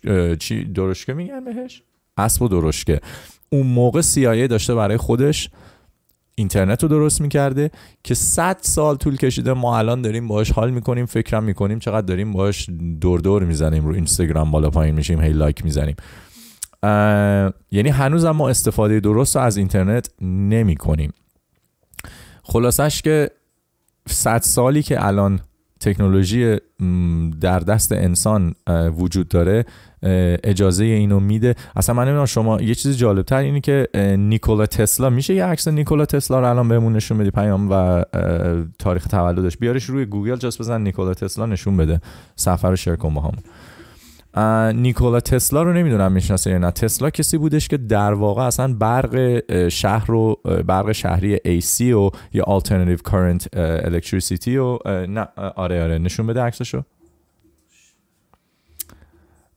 بچه این کسی که میخوام بهتون نشون بدم اسمش هست نیکول نیکولا تسلا خب اصلا ماشین تسلا رو هم از روی اسم این گذاشتن تسلا کسی بوده که در اصل برقی رو که ما الان داریم استفاده میکنیم ایشون درست کرده آقای ادیسون یه آدم بدذات دزدی بوده که همه میگن خدا پدر ادیسون بیامرزه خدا پدر ادیسون بیامرزه ادیسون یه آدم بدذاتی بوده نه میخوای اونو بذار که فول پیج بود فول پیجمون رو بذار که عکس سمت راست و بچه ها ببینن ببین تسلا سال 1856 به دنیا اومده 1943 کشتنش نمرده کشتنش آقای تسلا رو کشتن تسلا چند تا اینونشن داره بزن همون اینونشنز تسلا هست همین پتنتس تسلا یه آدم افسرده فوق العاده باهوش بوده که 300 تا اختراع داشته تا الان هم هنوز به اندازه تسلا کسی نتونسته یک نفر خودش 300 تا اختراع بکنه. تسلا تو سال 1900 و بین 20 تا 40 یه تکنولوژی رو پیدا کرده بود که میتونست برق رو به کل کره زمین مجانی برق بده. بچه اینو میخوام درک بکنید. این چیزی که دارم بهتون میگم حقیقت همه جای هست راجبش. اینا اینا تاریخ که توی این به غیر از اینی که تسلا خودشو یعنی تسلا نمرده که ترورش کردن راجب این صحبت این همه این صحبتایی که بهتون میگم میتونید برید تو تاریخ پیدا بکنید. آقای تسلا بین سال 1920 1940 و با اختراعاتی که کرده بود تونسته بود برق رو به طور مجانی به همه بده. و تونسته بود برق رو به طور طبیعی از توی انرژی توی هوا بکشه بیرون. که بهش میگن the fluctuation where, uh, میشه آم آی آی آی. توی حالا بیشتر راجع بهش صحبت میکنیم راجع fluctuation quantum theory. آقای تسلا به یه حدی رسونده بود این ماجرا رو که basically you know tower uh, bezan Tesla tower bezan Tesla tower bezan Tesla electricity tower. Uh, این عکس هم بهشون نشون بدیم عکسش گذاشته بودی اتفاقا آره نگاه کنی بچه ها این بعد پیام روی تصویر بکشش اینور فول پیجش کردی آها there we go. ببینید این چیزی که الان دارید میبینید این تاوریه که تسلا درست کرده بوده که از توی هوا پیام هنوز نیومده ها آها اومدش از توی هوا این انرژی برق رو میگیره بدون اینکه سوخت گازوئیلی بدون سوخت انرژی هسته‌ای بدون آب بدون هیچی یعنی هیچ ببینید یکی از بدترین مشکلای بشریت الان اینه که انسان‌ها دارن زمین رو میکنن میسوزونن که میلیون ها سال طول کشیده این نفت درست بشه این زغال درست بشه میدونید که این زغال و نفتی که ما داریم استفاده میکنیم با گاز اینا بیسیکلی بدن دایناسورهایی که میلیون ها سال پیش مردن رفتن زیر زمین هی خروش خاک اومده خاک اومده بر اساس ترکیبات شیمیایی که داره اونجا و فشار و گرمایی که داره روی اینا میاد اینا تبدیل میشه کاربونش به زغال و نفت و گاز یا حالا المنت های دیگرش جالبیش به اینه که ما در سال 2020 هنوز داریم فسیلای میلیون ها سال پیشمون رو میسوزونیم که یک کار بسیار بسیار اشتباهیه به خاطر همونه که کره زمین دماش داره هی میره بالا بهش میگن گلوبال وارمینگ گلوبال تمپرچر داره میره بالا. ما داریم رودخونه ها اوشنا و اقیانوس هامون رو کسافت میریزیم توش به غیر از کسافت هایی رو که از توی پتروشیمی داریم میریزیم توش که هم برای سوخت استفاده میشه. هم برای پلاستیک و هم برای مواد دیگه مثل روغن موتور و روغن که همه اینا از شرکت های پتروشیمی میاد که بازم برای ترانسپورتیشن گازوئیلی و بنزینیمون لازم داریم. یعنی انسان ضرری که داره به خودش میزنه. ببین ما یه دونه ز... یه کره زمین داریم. همین خب. خیلی هم هی به من میگن که مثلا این چیزایی که من بهتون گفتم اولش که من تو شیراز به دنیا اومدم و الان اومدم کانادا. اینا همه نظرهای سه ماه بیشتر حتی دو سال پیش من بود. الان وقتی که یه نفر به من میگه کجایی هستی یا where are you from من به همه جواب میدم من از کره زمینم. به خاطر اینکه تمام نظرهای شهر و کشور و این نقشه هایی رو این خطایی رو که ما رو نقشه شما میتونید ببینید. بچه همش یه مشت خطه که اجداد و نیاکان قبلی ماها کشیدن. خیلی هاشون شما میدونید با بیلیاقتی از دست دادن که هی کوچیکتر شده. خیلی هاشون با جاه طلبیشون رفتن گسترش دادن اینو که اینو توی گروه های مختلف توی رومنا میتونید ببینید. تو حتی زمان امپراتوری هخامنشی میتونید ببینید که قدرت داشتن. خیلی وسیع شده بوده. ولی نهایتا میخوام اینو ببینید. شما اگه نقشه رو نگاه بکنید از 2000 سال پیش تا الان همینجوری هی کشورها بزرگ میشه کوچیک میشه. ولی یه چیزی که اونجا همیشه مونده کره زمینه. کره زمین جاییه که مونده. بقیه ما هی اومدیم هر 20 30 سالی یه نقشه جدید میدیم میگه آ حالا کشور مثلا کانادا این آلاسکا رو گرفته داده به آمریکا. الان ایران اینجا رو گرفته داده به اینا همش حرفه. ما هممون رو کره زمین به دنیا اومدیم رو کره زمین هم میمیریم. اینی که من کجاییم تو کجایی هستی اصلا معنی نداره. یعنی انگاری مثلا دو تا گوز برسن به هم دیگه. این بگه تو بچه کجایی؟ اون میگه تو بچه کجایی؟ یعنی چی بابا؟ گوز نه دیگه. به دنیا اومده میخوان بزنن حالش رو ببرن بره. من نمیدونم. اصلا ما آ این بچه شهرستانه. این نمیدونم مال بابا بی خیال. هیچ شما نهایت نهایت نهایتش شانس اینو داشتید که روی کره زمین به دنیا بیاین. روی کره زمین وجود داشته باشید و هر چقدر زندگیتون الان سخته حالا به اونم میرسیم. اون به خودتون بستگی داره به خاطری که خودتون نمیذارید زندگیتون خوب بشه. و علتی که نمیذارید زندگیتون خوب بشه این نیست که نمیخوایم زندگیمون ما خوب نشه. علتش اینه که ما داریم فکر میکنیم که ما نمیتونیم زندگیمون رو خوب بکنیم. اصلا زندگیمون همینه که هست همین همین افتضاحیه که هست. اصلا دست ما نیست تصمیما رو برای ما دارن میگیرن. اصلا به ما ربطی نداره. ببین بچه یک یه چیز خیلی ساده بهتون بگم اگه اجازه بدید باز من به انگلیسی شو بگم خب بعد به فارسیش هم بهتون ترجمه میکنم uh, what you believe turns into what you do and what you do turns into your life اوکی این در واقع یک, یک،, یک چیز ریاضیه پیام توی اون طبقه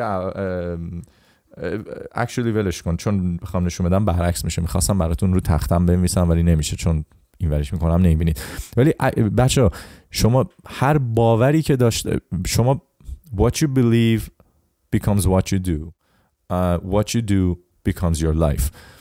یعنی هر باوری که داشته باشید تبدیل میشه به کارهایی که انجام میدید این میشه یه طرف مساوی اون طرف مساوی میشه هر کاری که انجام میدید تبدیل میشه به زندگیتون مجموعه کارهایی که شما انجام میدید تبدیل میشه به زندگیتون. متوجه شدید. پس باورهای شما تبدیل میشن به کارهایی که انجام میدید و کارهایی که انجام میدید مجموعهشون میشه زندگی شما که الان دارید تجربه میکنید. حالا خیلی همه میگم میگن که آقا من با من اصلا با زندگیم از این لحاظ راضی نیستم. من نمیدونم همش توی رابطه هام آسیب میبینم. سر کار کسی من احترام نمیذاره. اصلا آقا من کارمو دوست ندارم. اصلا من اینجا چرا دارم زندگی میکنم؟ نتیجه اینه که شما وقتی که از زندگیتون راضی نیستید نمیتونید کارهایی که کردید و عوض بکنید. به خاطر اینکه اگه بخواید اون کارها رو عوض بکنید باید برید اصل صورت مسئله رو اون ور عوض بکنید. شما برای اینی که زندگیتون رو نهایتا عوض بکنید باید باورهاتون رو عوض کنید. و این ساده ترین راهیه که من میتونم بهتون بگم در کوتاه ترین شما اگر که از هر چیز توی زندگیتون راضی نیستید برید ببینید کجا فکر دارید میکنید. بدون اینکه حتی بسیار زمان ها بدونید کجا دارید فکر میکنید که این اتفاقی که برای من افتاده من لایقش هستم؟ یا اینکه من لایق بهتر از این نیستم؟ اونم خیلی مهمه. خیلی اشتباهی چند سال پیش یه کتاب یه فیلم اومده بود بیرون که کتابش هم بعدا اومد به اسم اسرار چی بود اسمش پیام The Secret? اسمش اسرار بود فکر کنم که همه ترکوندن وای بشینیم منیفست بکنیم فکر بکنیم چش اونو ببندیم مدیتیت بکنیم متاسفانه برای خیلی ها که پیغام اصلی فیلم رو نگرفتن این اصلا کار نکرد در صورتی که درسته جاذبه من حالا فارسیشو نمیگم the love attraction. میشه قانون جاذبه انرژی درسته شما هر انرژی رو که از خودتون بدید بیرون همون انرژی رو میگیرید یعنی شما اگر منفی بخواید فکر بکنید همه چی بهتون منفی برمیگرده شما اگه مثبت باشید بهتون اون پازیتیویتی برمیگرده نه به خاطر اینی که هیچ چیز خارجی داره وارد بدنتون میشه. یادتون باشه اول بهتون چی گفتم؟ هر اتفاقی که شما دارید الان تجسم میکنید فقط داره یک آر... یک رویاست که در داخل مغز شما داره اتفاق میفته که قبل از اینکه الان صحبت امروز ببندم میخوام با این ببندمش که اصلا چرا ما همه چیزو داریم در رویا زندگی میکنیم؟ و این یک چیزیه که کاملا علمیه اصلا خوزعبلات نیست و از اینجا میخوایم شروعش بکنیم. پیام اگه که میشه اینو او فقط یه چیزی اگه بریم الان روی فول پیج که صدای من میره ها؟ خب اسلای اضافه کن دیگه توی برو توی سین بهت نشون دادم درسته؟ برو توی اون سین توی پریویوت برو توی سین برو بزن اون وایت درسته؟ کل دسکتاپ رو بزن تو پریویوت بعد اینجا توی دیوایسز بزن مثبت رو بزن. بچه یکی از چیزایی که خیلی خیلی خیلی خیلی خیلی میتونه بهتون کمک بکنه که بخواین بفهمید اصلا کجا هستید و چرا هستید و چطوری میتونید مسیرتون رو عوض بکنید. اینه که آگاه باشید که چرا اصلا فکر میکنید شما اونجای هستید که هستید. اوکی؟ اینا شاید الان یه خورده زیاد روش گیر نکنید الان بهتون توضیح میدم چرا. وقتی که به هر کسی میگی مثلا الان کجا هستی میگه که آقا مثلا من الان تو اتاقم نشستم روی صندلی نشستم الان هوا تاریکه هوا سرده هوا گرمه روز شب. یه سری شما داده دارید به من میدید که اینا اطلاعات اطلاعاتی که شما دارید در ذهنتون حس میکنید بر اساس اینی که الان کجا نشستید ولی در اساس شما باید و خودتون هم الان با خودتون فکر میکنید که دارید فکر میکنید دارید آگاهانه حرف میزنید. در صورتی که ما فکری نمی کنیم ما وقتی که داریم اطلاعات باهاش اکسس به اطلاعات داریم یعنی میخوایم دسترسی داشته باشیم به اطلاعات یا داده های مغزمون اصلا اطلاعات شما باید ببینید چی هست. یک اولین چیزی که ما باید درک بکنیم اینه که بدن انسان بچه ها از اعضای مختلفی درست شده. درسته اینو همه میدونن. بدن انسان بسیار اعضای مختلفی داره. you تحال قلب ریه مغز گوش که اینا هر کدومشون باز خودشون اعضای کوچیکتری توشون دارن. کل بدن انسان تقریبا 100 تریلیون سلول داره. یعنی کل بدن انسان تقریبا 100 تریلیون ستاره توش میگم ستاره به خاطر که ستاره هستن همشون واقعا 100 تریلیون سلول داره حالا اونو تو کوانتوم فیزیک تو صحبت های بعد بهش میرسیم. ولی فعلا بیاین رو اعضا فکر کنیم. باشه بدن شما اعضای مختلفی داره که شما ازشون استفاده های مختلفی میکنید. مثلا شما با دستتون میتونید اشیا و وردارید با پاتون میتونید راه برید با گوشاتون میتونید بشنوید با چشماتون میتونید ببینید. حالا اگه وارد بحث های کوچیکترش بشیم مثلا توی چشم شما کورنیا داره لنز داره پشتش اون پرده که همه چی رو پرده که نه اون سطحیه که همه چی روش قرار میگیره رتنا هست. هر کدوم اینا باز کار خودشون رو انجام میدن. جالبیش به اینه که الان میخوام حالا از اینجا باهاتون شروع کنم این ماجرا رو.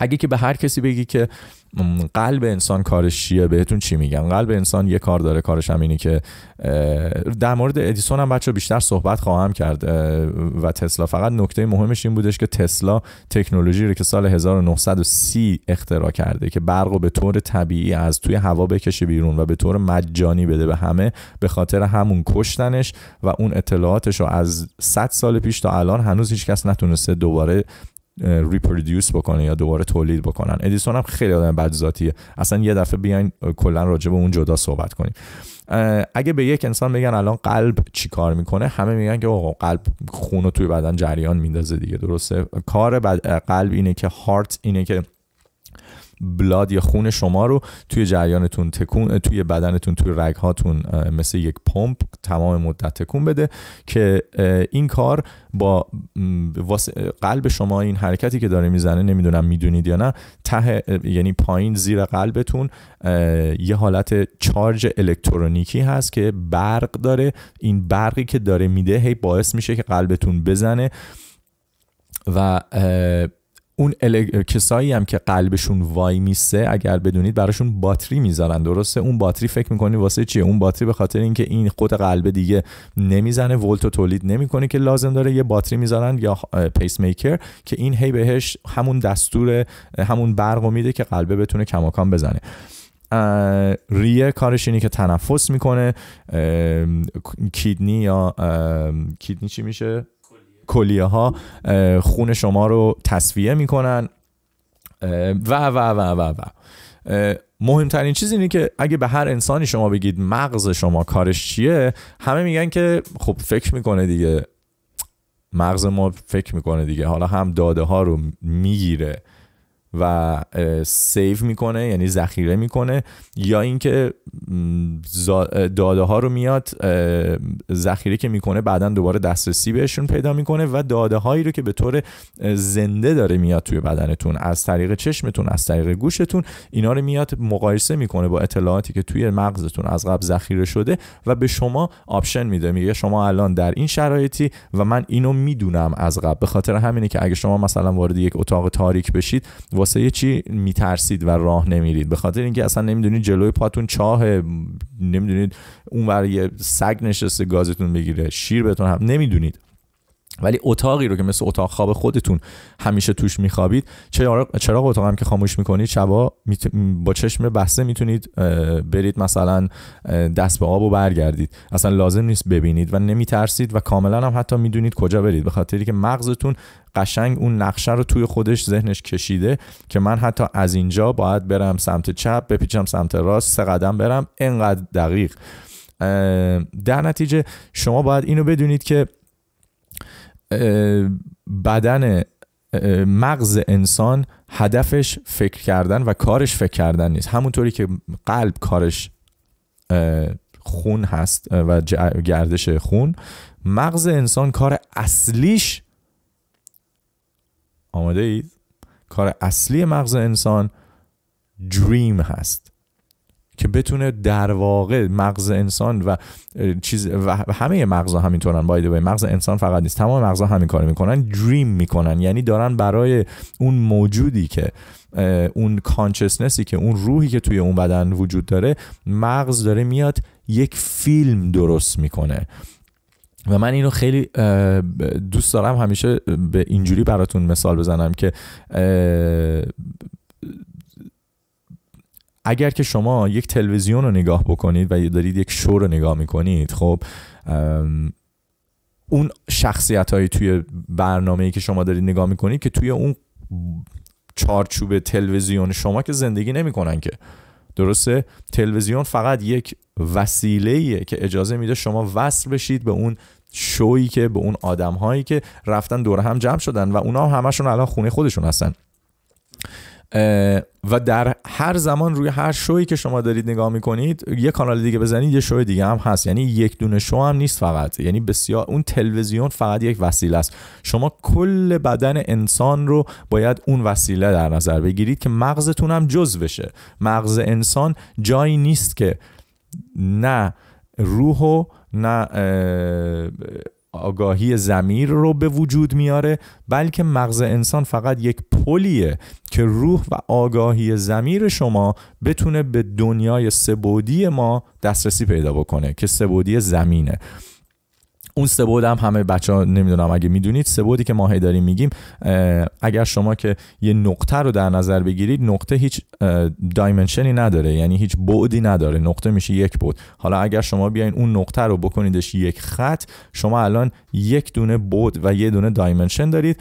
که ما بهش که توی ساینس بهش میگن x axis دیدید کنارش هم x میزنن بعد شما اگه اون خط رو بیاین برید بالا میشه y که y میذارن کنارش شما اگر که x و y داشته باشید الان دارین روی یک دنیای دو بعدی صحبت میکنید که نقاشی هم دقت بکنید به خاطر همین نقاشی دو بعدی مثلا بچه‌ها که یک گردی میکشن با چهار تا بدن اون دو بعدیه بعد حالا سایه که شروع میکنید بهش میدید یا وقتی که یک مکعب میکشید شما دارید یک ضلع جدیدی اینجا وارد میکنید به اسم Z که اون میشه دپتتون و کل دنیای انسان ها توی همین سبوت داره اتفاق میفته حالا خیلی ها هستن که میگن یک دایمنشن دیگه وجود داره به اسم تایم که چهارمین دایمنشنیه که اجازه میده شما بتونید از وجود خودتون آگاه باشید روی این زمین و یک چیزی هم هستش که در علم مدرن فیزیک داره ثابت میشه که تایم یا زمان اصلا وجود خارجی نداره. زمان یک چیزیه که ما فقط داریم حسش میکنیم و فقط ما درست کردیم که بتونیم اندازه بگیریم تغییر انرژی مونو تایم میشه measurement of change in energy. یعنی انرژی شما که داره تغییر میکنه یا وکتورتون که داره تغییر میکنه ما به اون طول تغییر به اون مدتش که داره اون اتفاق میفته میگیم تایم که اینا باز استفاده میشه برای اینی که شما بتونید فقط بهتر جایگاه خودتون رو در دنیا بفهمید و در روح شما یا اون چیه زمین؟ آگاهی زمیر شما کانشسنس شما. من از این به بعد بهش میگم کانشسنس بچه ها کانشسنس شما هیچ زمانی براش معنی نداره. در در در بودی که کانشسنس ما وجود داره زمان نیست هیچ چیزی دیر نیست هیچ چیزی وقت نیست فقط زمان روی زمین اتفاق میفته و برای مدت کوتاهی که ما روی زمین زندگی میکنیم و اینجا توی این بدن هستیم. پیام این ویدیوی چشمو میشه پلی بکنی الان صدای درست شد آره ویدیو رو اگه میشه پلی کن این ویدیویی که الان میخوام بود 4 و 5 بچه بهتون گفتم در واقع روی زمین انسان, انسان ها تا امروز فقط به سه تا بود دسترسی دارن X و Y و Z. ما به هیچ بود دیگه با علمی که دستمونه هنوز دسترسی نداریم این ویدیویی که میخوام ببینید پلیش کن این ویدیویی که میخوام ببینید یه ویدیویی که از روی یوتیوب پیدا کردم برای اینکه بهتون نشون میده که چجوری ما میبینیم اوکی که خیلی مهمه چی صدا نمیخواد فقط هر گفتم نگهش دار میشه اینجا رو نگه داری اسپیس هم بزنی وای میسه نمیخواد کلیک کنی. خب بچه یه اتفاق جدیدی که جالبی که تو چشم توی مغز شما میفته اینه که مغز شما این خطایی رو که میبینید الان داره میره این خطا رو در واقع اینا فوتون های لایت هستن اینا اینا اون پارتیکول های لایت هن که شما وقتی فکر میکنید دارید یه چیزی رو میبینید واقعا چیزی رو نمیبینید این این هم باز مهمه که بفهمید همونجوری که بهتون گفتم مهمترین چیزی که ما میتونیم بفهمیم تو زندگی اینه که ما هیچی نمیفهمیم هر وقت شما بتونید این مسئله رو باش کنار بیاین بعد تازه میتونیم شروع بکنیم خودمون رو از زیر بنا بسازیم و زندگیمون اونجوری که میخوایم بسازیم ولی وقتی که شما چشتون رو ببندید اگر که همطور که بهتون گفتم در منطقه‌ای باشید در اتاقی باشید که همه چیز براتون مدت زیادی دیدیدش اگه چشتون رو ببندید جالبیش به اینه که شما حتی اگه سرتون رو تکونم بدید میتونید ویژوالایز بکنید تو ذهنتون میتونید بسازید که الان اونجا چه اتفاقی داره میفته ولی obviously مسلما جایی که برید که تا حالا نرفتید اگه چشمتون رو ببندید هیچ چیزی متوجه نمیشید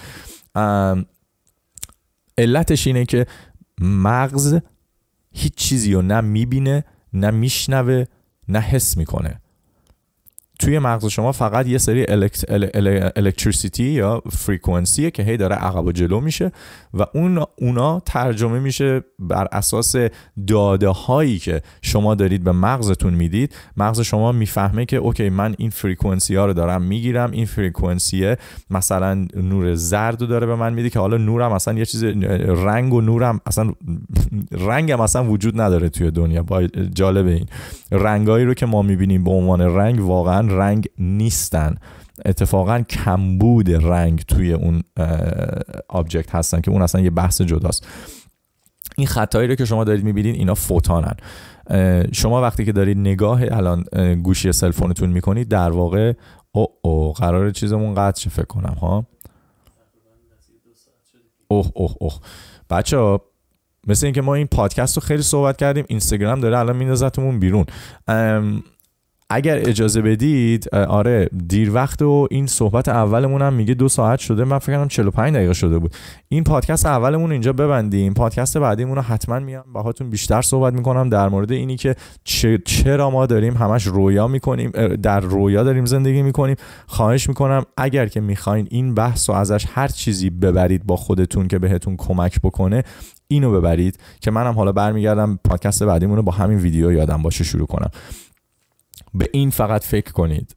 امروز که میرید که اگر شما حالتون خوب نیست اگر حس خوبی ندارید اگه یه نفر داره آزردتون میکنه هر چیزی که داره توی زندگی اذیتتون میکنه بچه ها فقط توی ذهنتونه و به این نتیجه بیشتر خواهیم رسید. یه خورده بهش فکر بکنید میدونم روش تعمل بکنید چون هرچی بیشتر بهش فکر بکنید بیشتر متوجه خواهی شد که از درون یک چیزایی داره بهتون میاد که میگه آره همچین اشتباه هم نیست. اینا حرفای حقیقی علمیه.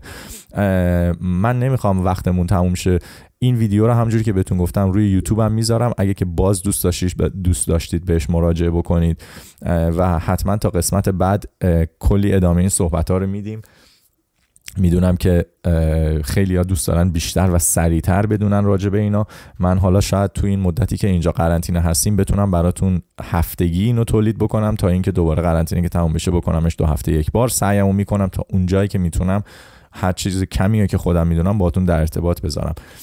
امیدوارم وقتتون شاد باشه پیروز باشید و همیشه مثبت باشید توی زندگی. تنها چیزی که میتونم بهتون بگم اینه که تنها علتی که شما اومدید روی این زندگی روی این زمین اینه که از لحظه هاتون لذت ببرید و اگر فکر میکنید حس بدی دارید اون به خاطر اینه که فکر میکنید حس بدی دارید. فکرتون رو عوض بکنید. حتی در بدترین شرایط شما میتونید بهترین رو در آینده ای ببینید که هنوز بهش نرسیدید و 100 درصد وقتی که فکرتون رو اینطوری عوض بکنید آیندهتون هم بسیار بسیار براتون شفافتر و بهتر و مثبتتر خواهد بود. منفی بودن از ذهنتون بکنید بیرون. تا یه صحبت دیگه که با هم دیگه بخوایم دور هم باشیم و صحبت های بیشتری بکنیم به من بگید چه فکری میکردید سوالاتون رو به من بگید که در قسمت بعد بیشتر راجبشون صحبت کنیم. پیام مرسی. بچه یه خورده این قلبا رو واسه پیامم بزنید که اینجا داشت کمک من میکرد که پیامم یه خورده خستگیش در مرسی تانک یو این چیه بابا سی نفر آدم این قلبه رو بتر کنید دیگه آها مرسی احساس میکنم دیجی هم رو استیج بزن دست قشنگه رو اون تا بچه برید بخوابید اگه تو ایرانید اگرم توی آمریکای شمالی هستید روزتون بخیر و بقیه روزتون رو لذت ببرید عاشقتونم مرسی مرسی تا برنامه بعد بای